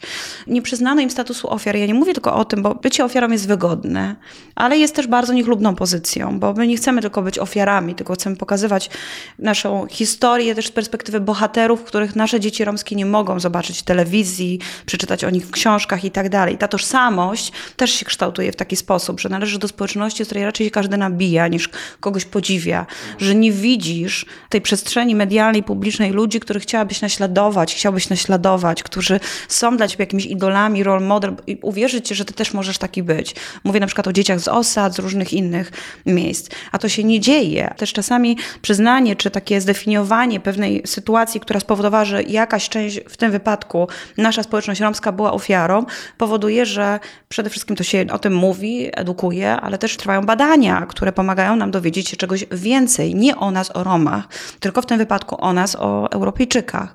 Z drugą wojną światową było tak samo. Romowie zostali potraktowani tak samo jak Żydzi. Ustawy norymberskie obowiązywały Romów w takim samym stopniu jak Żydów. Komentarz do ustaw norymberskich z 1935 roku bardzo to mocno determinuje sytuację Romów najpierw w Rzeszy, a później w okupowanej Europie. Ale to znowu nie tylko historia ofiar, to historia celebrytów, na przykład boksera Jochnana Trollmana, który był mistrzem Niemiec, nie wiem czy też nie mistrzem Europy, boks waga półciężka, miał reprezentować Niemcy w olimpiadzie w 1936 roku. Po tym jak Hitler został kanclerzem Niemiec, wybrany w demokratycznych wyborach, wszystkie tytuły zostały mu odebrane, a on został zamordowany w jednym z obozów na terenie Rzeszy. To historia wielu elit, społeczności, których życie zostało brutalnie przerwane, bo przypisano im łatkę społecznych i w ogóle zagrożenia dla czystości krwi niemieckiej.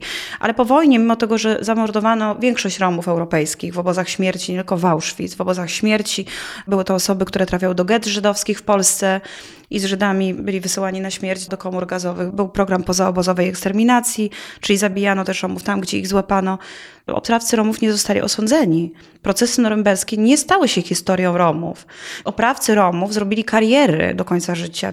Człowiek, który był na czele Instytutu Badania Higieny Rasy, Robert Ritter, lekarz, psychiatra, to jakby jego praca decydowała o tym, czy ktoś trafi do Auschwitz, czy nie. I on po wojnie został ordynatorem jednego ze szpitali.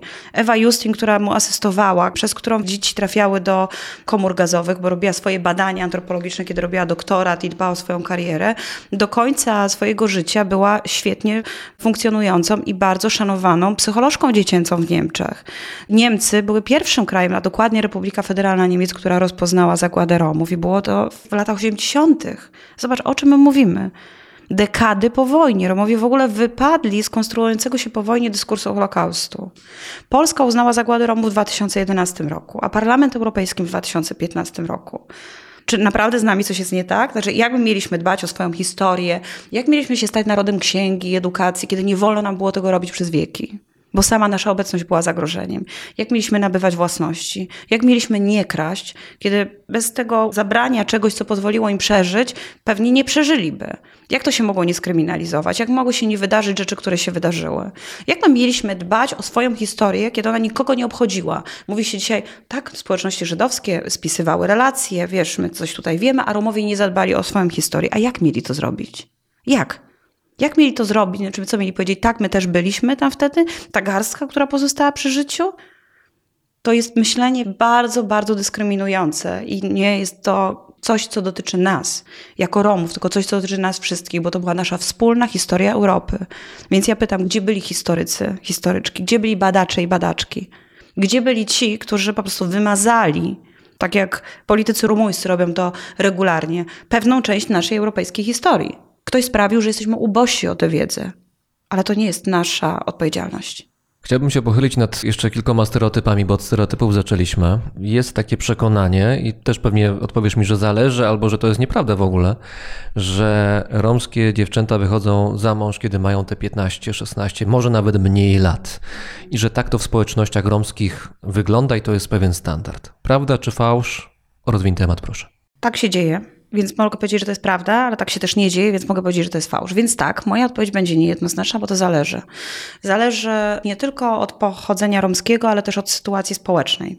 Czyli tak, jak znowu powiem tutaj o pewnych rzeczach, które nas łączą, Romów i nieromów.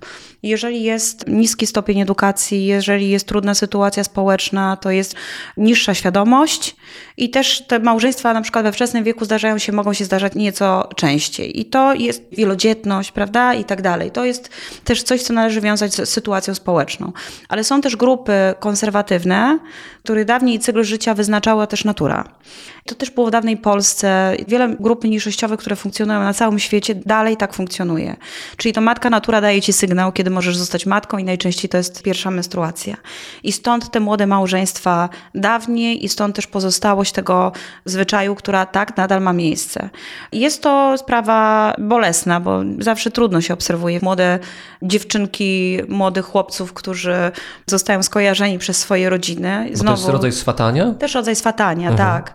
I to też nie dotyczy Romów, bo w wielu społecznościach muzułmańskich, w wielu społecznościach właśnie azjatyckich i tak dalej, ale też w dawnej Polsce, no to rodzice jako ci, tutaj też jest dyskusja o tym, w jaki sposób traktowane są osoby starsze. Dawniej w społeczności romskiej traktowane są jako te, które wiedzą o życiu najwięcej, które mają mądrość życiową. W związku z tym te decyzje często są efektem mądrego wyboru, który ma spowodować, że te dzieci będą miały dobre życie.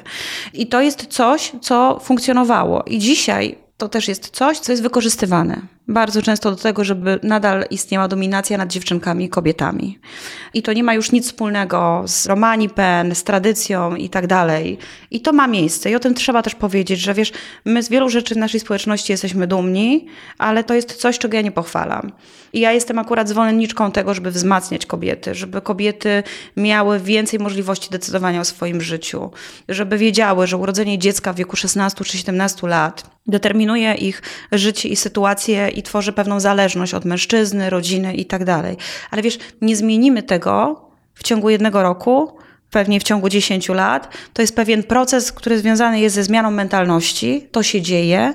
Moim zdaniem to, co trzeba robić, to po prostu wyciągać Romów z ubóstwa, biedy, edukować, mówić. I to nie jest tak, że przyjdzie nie Rom i powie Romowi, jak ma żyć. Znaczy my takie postkolonialne postawy, nawet jak ten kolonializm nie dotyczy nas w takim stopniu, jak mocarstwa kolonialne zachodnie, ten rodzaj myślenia takiego imperialistycznego, my wiemy lepiej, my wam powiemy. Przychodzi ktoś z zewnątrz, Tak, ma poczucie, powie, że on ma tak, wiedzę, tak, ma tak. umiejętności, doświadczenie, jest jakoś na wyższym poziomie cywilizacyjnym. Ucywilizuje cię. Ja teraz pokażę, jak powinno być. Dokładnie, dokładnie. Wiesz, ja dziękuję. To trzeba robić ze społecznością. I to nie jest jakiś nasz pomysł oderwany czy wyrwany w ogóle, wiesz, z jakiegoś kontekstu, tylko też bardzo wiele dowodów, które związane są, nie wiem, z innymi społecznościami, na przykład z praktyki obrzezania kobiet. Są programy w Tanzanii, które są prowadzone we współpracy ze społecznością, które mają największy efekt, kiedy prowadzi się ze społecznością dialog, kiedy społeczności same odchodzą od czegoś, bo to rozumieją, czują i stają się częścią To musi jakiejś być impuls z wewnątrz, a nie tak, z zewnątrz. ktoś przyjdzie i powie, co ty masz robić, to nie wiem jak ty, ale ja mam taki charakter i taką niestety naturę, pracuję nad tym, że zrobię odwrotnie, jest duże prawdopodobieństwo Mhm. co do tego, albo jeszcze bardziej będę podkreślała, że to, co moje jest moje, mam do tego prawo, prawda? I nikt nie ma też No bronimy takiego się, bo to jest mandatu, zamach na, na naszą Oczywiście. niezależność. Ale jak ktoś ciebie atakuje, to nie tylko bronisz siebie, tylko wzmacniasz też coś, co jest tobie. Tak. Bardzo często. I to nie sprzyja dialogowi. To nie sprzyja temu, że my będziemy dyskutować. No dobrze, ale co powiesz na taki argument, że z Romami nie da się dyskutować, nie da się z nimi prowadzić dialogu, bo oni są z zasady zamknięci, bo się trzymają razem, jest wspólnotowość, no jesteśmy my, jest- są ci gadziowie, czy jest gadzio, który przychodzi i coś gadziu do mnie mówi, ale przez sam fakt, że jest gadziem, ja już nie traktuję go poważnie albo jako osoba do dialogu. Czy takie... A czujesz to, rozmawiając ze mną? Nie, nie czuję tego. Ale, ja, właśnie. no, ale też wiemy, że ani ja nie jestem reprezentantem wszystkich Polaków, ani ty nie jesteś reprezentantką wszystkich Romów. Tak. W związku z tym no, też pytam, jakie ty masz doświadczenie. No też Romowie tak samo jak Polacy są różni. Słuchaj, no i wiesz, dobrze, że to powiedziałeś, no bo ja też mogę powiedzieć, ja się naprawdę nie dogaduję z moim sąsiadem. I też uważam, że jest po prostu cholernie hermetyczny i prezentuje wszystkie te cechy, które nam się przypisuje. Znaczy, to on jest głośny, to on przeszkadza nam w takim Romem, codziennym rozumiem, tak? funkcjonowaniu, a nie jest Romem. I ja dlatego o tym mówię, bo to są jakieś takie utarte schematy, które się przypisuje ludziom, a tak nikt nie funkcjonuje. I Romowie nie są odstępstwem od normy. Nie możesz powiedzieć, że w taki albo w taki albo w taki sposób się zachowują osoby, które są Polakami lub Polkami. I to samo dotyczy nas. Są osoby i grupy, do których jak pójdziesz, czy jak ja pójdę, to w ogóle wcale nie będę miała ochoty z nim przebywać, a są Romami. I to może być związane, nie wiem, z jakimś podziałem klasowym, to może być z jakąś sytuacją społeczną różnica związane, z różnicą charakteru, z tym, że oni na przykład będą jakimiś przestępcami i tak dalej. Ale wiesz, ja wcale nie mam ochoty się tłumaczyć i ponosić za nich odpowiedzialności, nie? Moglibyśmy teraz znowu poprowadzić tę dyskusję trochę inaczej, zmieniając perspektywę, to ja mogę też ci zadawać pytania, które dotyczą Polaków i Polek na Wyspach Brytyjskich na przykład. Oczywiście. Odnosić się do wszystkich tych złych cech i jakbyś odpowiedział na te kwestie. No jakby nie masz na to wpływu. No jesteśmy różni. Pewnie jest tak, że te osoby, które się znajdują w dużo gorszej sytuacji niż ja, mówię na przykład o sytuacji społecznej, o sytuacji edukacyjnej, no bo umówmy się, jestem osobą wykształconą, prawda, i bla, bla, bla. Jestem też osobą, która ma nogi w dwóch kajakach, nie? W tym romskim i nieromskim, więc często po prostu gdzieś tam lawiruję i szukam różnych kompromisów. Ale nie wszyscy tak funkcjonują i pewnie ci, którzy żyją w konserwatywny sposób, trzymają się w tych grupach, gdzieś tam żyją w jakichś, nie wiem, miejscach razem, w jakiejś takiej wspólnocie, to jest bardziej widoczne. Znaczy, Ja może być wiem, tak, wiesz- że zostanę, że odbiję się od drzwi. Może tak być, może tak być, ale też wiesz, no powiem tak, że szczególnie takie miejsca dobrze mi znane, na południu Polski, na przykład Maszkowice i Koszary, to są takie osady. I tam jest duży problem związany z ubóstwem, wykluczeniem i tak dalej. To nie jest ich wybór. W czasach PRL były takie migracje wewnętrzne za pracą. Te grupy, które nie prowadziły osiadłego trybu życia i tam się nie ukrywały w lasach, migrowali za pracą, budowali nową hutę, byli zatrudniani, mieli pracę, mieli mieszkanie, taki był system. I kiedy przyszła transformacja w 89, ustrojowa, polityczna, demokratyzacja życia, zmieniły się też formy gospodarki, przed kapitalizm, oni tracili pracę jako niewykształceni, jako tania siła robocza, nie poradzili sobie już tymi zmianami zostali w tych miejscach, w których żyli, ale uzależnieni od jakiejś pomocy socjalnej państwa nie poradzili sobie, nie mogli konkurować bez wykształcenia na rynku pracy. To tak jak te społeczności popGR-owskie. To jest dokładnie analogiczna sytuacja. I oni tak żyją do dzisiaj, obserwując siebie nawzajem, powielając różne swoje zachowania. Bezrobocie, wyuczono bezradność, to też się dziedziczy. To są pewne obserwacje też, które młode pokolenie czyni i to wpływa na ich życie. Dlaczego ja o tym mówię? Bo jest też taki pogląd, że tam lepiej nie wchodzić do tych miejsc, tak? Bo oni nie są miło nastawieni do obcych nieromów, którzy tam przychodzą. Ja się z nimi zaprzyjaźniłam, to są bliskie No, mi ale ty osoby masz od inny lat. status, ty jesteś, Ja mam inny jesteś status. z wewnątrz, nie Ale z wiesz, zewnątrz. też wcale nie muszę być miło przyjmowana. To też nie jest tak, że moje romskie pochodzenie otwiera mi drzwi wszędzie, bo wiele je zamyka. To już jest inny temat, ale wiesz, też jesteśmy ludźmi, oprócz tego, że No mamy jasne, jakieś jasne, tam, jasne. wiesz, różne inne tożsamości, ale oni też już mają dość. Przychodzą do nich dziennikarze, dziennikarki, przychodzą do nich ludzie z kamerami, politycy, obiecują im różne rzeczy, które nigdy później nie mają miejsca, nie wracają. Tworzą się różne narracje na ich temat. I to jest też tak, że oni już mają po prostu dość.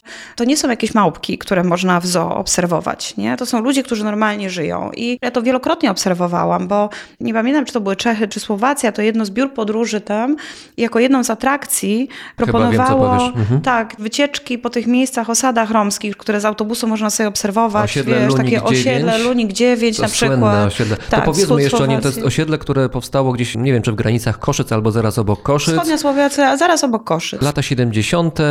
powstało osiedle, blokowisko, mieszkali ludzie różnych nacji, grup etnicznych i tak dalej, ale dosyć szybko zostało to osiedle zdominowane przez społeczność romską i tam właściwie w tej chwili chyba z tego co ja wiem, głównie mieszkają Romowie. Osiedle jest o tyle znane, że w związku z tym, że duża część, tak przynajmniej media mówią i politycy słowaccy, w związku z tym, że nie były płacone rachunki, był odcięty prąd, gaz, nie wiem czy całkowicie, ale częściowo na pewno woda. I mimo tego, że tam warunki socjalne, sanitarne wszelkie są no, co najmniej kiepskie, duża grupa kilka co najmniej tysięcy, siedem chyba tysięcy ludzi nadal tam mieszka. I to jest taki typowy przykład na to, że Romowie tacy są, bo oni, proszę bardzo, jest osiedle? No jest. Mieszkają Romowie? Mieszkają. W fatalnych warunkach? Fatalnych. Proszę bardzo, tacy są Romowie.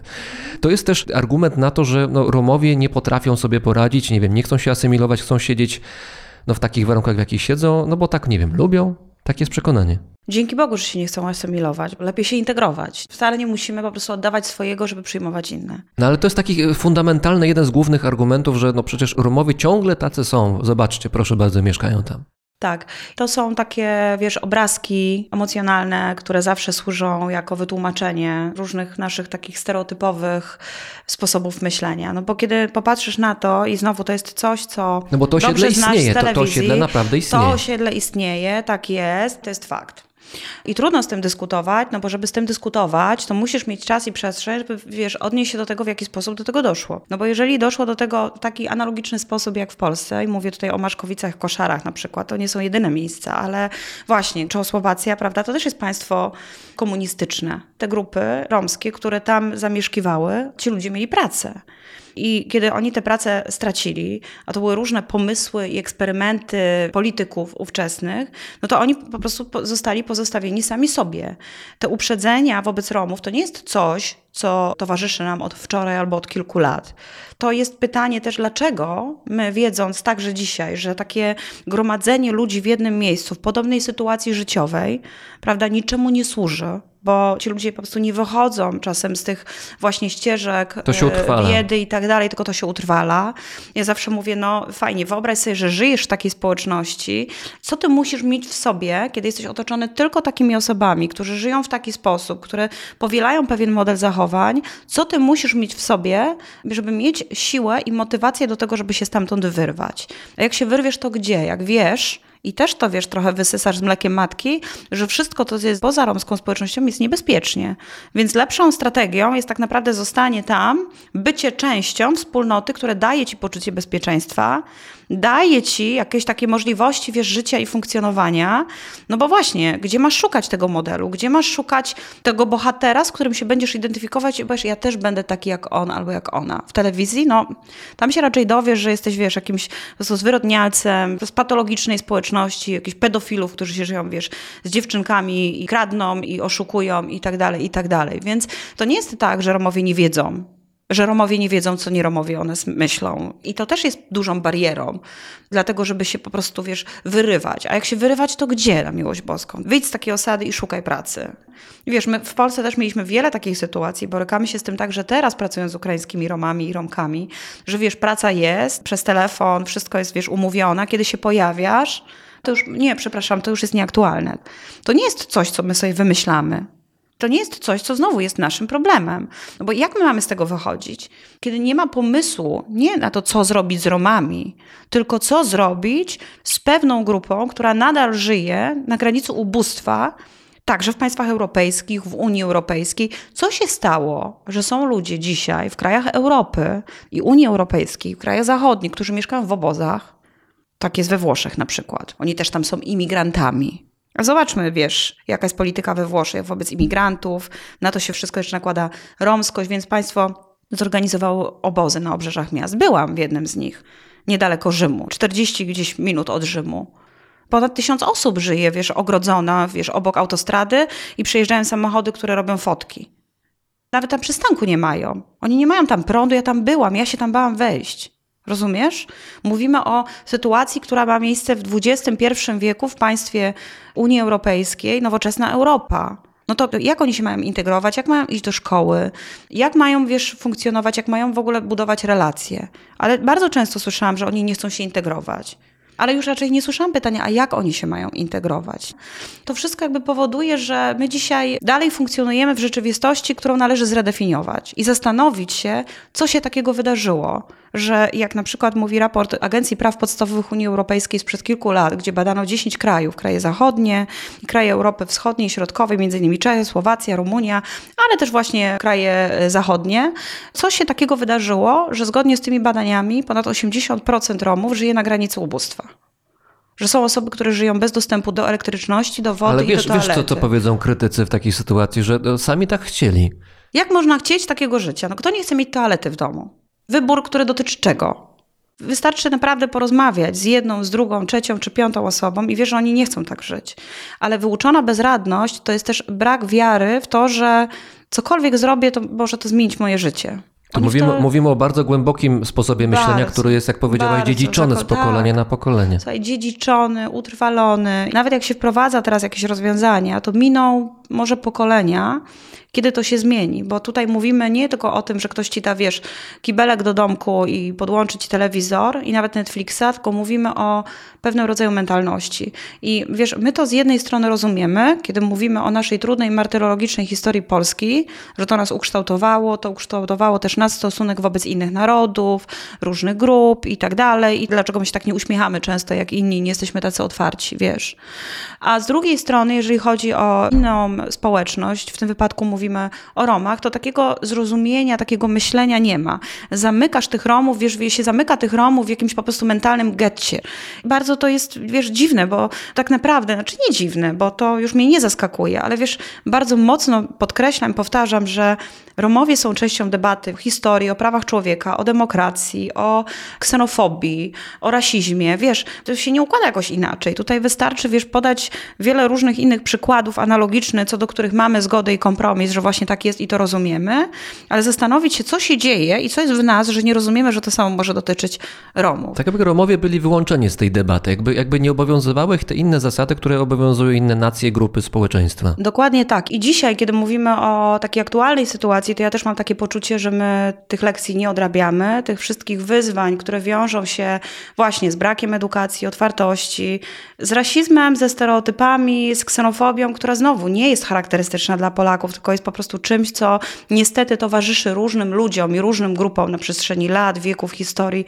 I wiesz, my dalej nie odrabiamy tych lekcji. Mam na myśli przede wszystkim to, że nasz system edukacyjny się nie zmienia.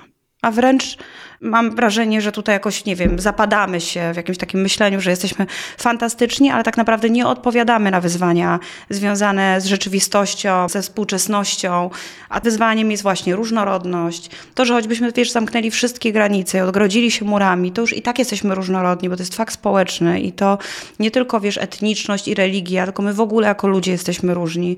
I kiedy nie nauczymy się mówić, postrzegać siebie z wzajemnym szacunkiem, akceptując jednocześnie, że stereotypy są też czymś, co nam towarzyszą przez całe życie i nikt nie jest od nich wolny. Naturalny mechanizm, Po tylko prostu. trzeba mieć świadomość, że on Dokładnie. istnieje. I choćbyśmy nie wiem, co zrobili, choćbyśmy nie wiem, ile o Gosi Mirdze Tas, która prezentowała Romów na Biennale w Wenecji, mówili, choćbyśmy nie wiem, ile pozytywnych przykładów pokazywali, to żyjąc w społeczeństwie, które jest przekonane, że inne może być zagrażające, obce i kiedy nie rozbijemy tego, wiesz, betonu związanego z barierami i brakiem wiedzy, które związane są w ogóle z edukacją o tej różnorodności, ale też nabywaniem kompetencji kulturowych, które pomogą nam w tym różnorodnym świecie, wiesz, funkcjonować, to nam się to nie uda.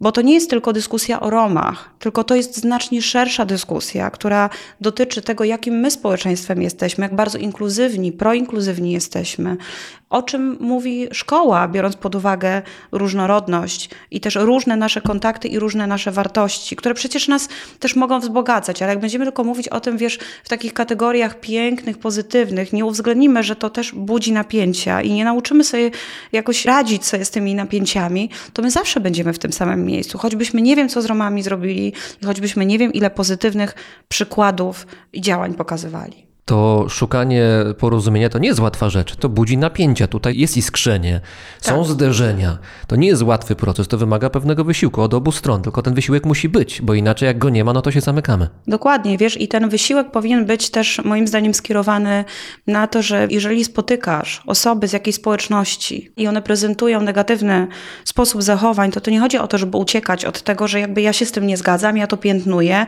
ja nie chcę mieć z pewnymi osobami kontaktu i nie muszę. To jest kwestia mojego wyboru i to jest okej. Ale jak już sobie pomyślę, nie chcę mieć kontaktu z wszystkimi osobami z tej społeczności, bo oni są brudni, nie wiem, leniwi, śmierdzą, nie chcą się uczyć, to wtedy to już jest generalizowanie i wtedy to już jest rasizm, wtedy to już są, wiesz, to jest ksenofobia, to może być antycyganizm, to może być antysemityzm, prawda, i tak dalej. Więc raczej chodzi tutaj o to, żeby nie pociągać ludzi do zbiorowej odpowiedzialności i żeby dostrzec to, że my jesteśmy różni jako ludzie, nie tylko jako osoby, które są wyznawcami, wyznawcami wyznawczyniami pewnych religii, należą do pewnych narodów, bo trudno powiedzieć, że pewne osoby, które są, nie wiem, z Polski są katolikami, będą zachowywać się tak samo. Dlaczego takie oczekiwania mamy wobec Romów i dlaczego takich definiujemy? To nie jest pytanie do Romów, tylko to jest pytanie do ciebie, to jest pytanie do państwa, to jest pytanie do nas wszystkich. Co się tutaj wydarzyło, że jednak my wszyscy wpadamy w tę pułapkę. Bardzo dziękuję. Razem z nami była antropolożka kulturowa, prezeska Fundacji W Stronę Dialogu, dr Joanna Talewicz. Bardzo dziękuję.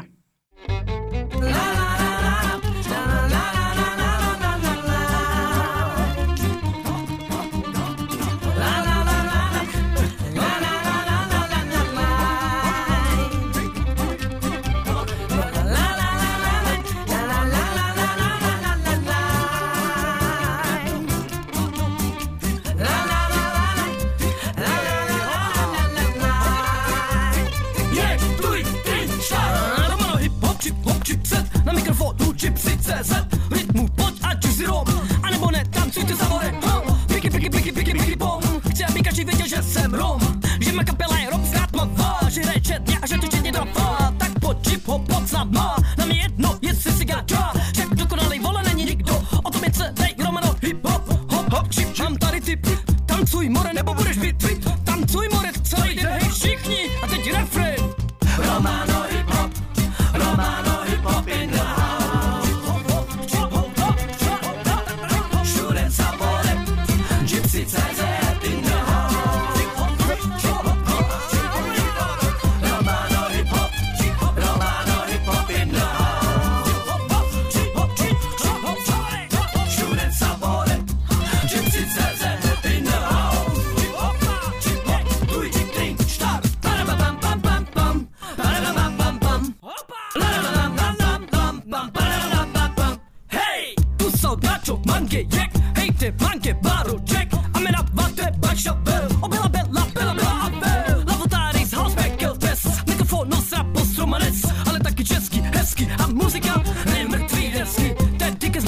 průšec, dele jste chalči je láčo, ty ke s pokolem anu šest, dele jste cigána. že cigán Tak pamatuj, jak to chutná, ty černá muzika je hutná. A, teď je konec slovy. Hm?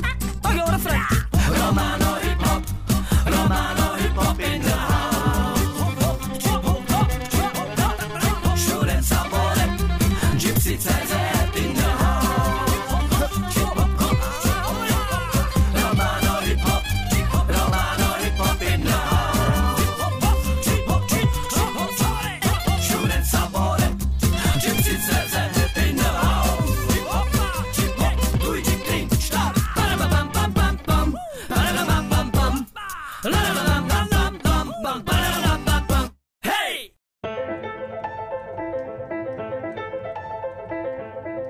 To był 141 odcinek Brzmienia Świata z lotu Drozda, podcastu, który istnieje dzięki słuchaczom. Jeśli spodobał się Wam ten odcinek, zostawcie pozytywną ocenę, gwiazdkę czy lajka tam, gdzie brzmienia świata akurat słuchacie. To dla mnie realna pomoc. Bardzo dziękuję wszystkim patronom i patronkom za hojność na patronite.pl.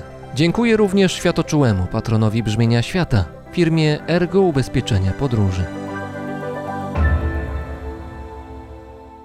Paweł Drozd, czyli ja, mówi Wam dobrego dnia.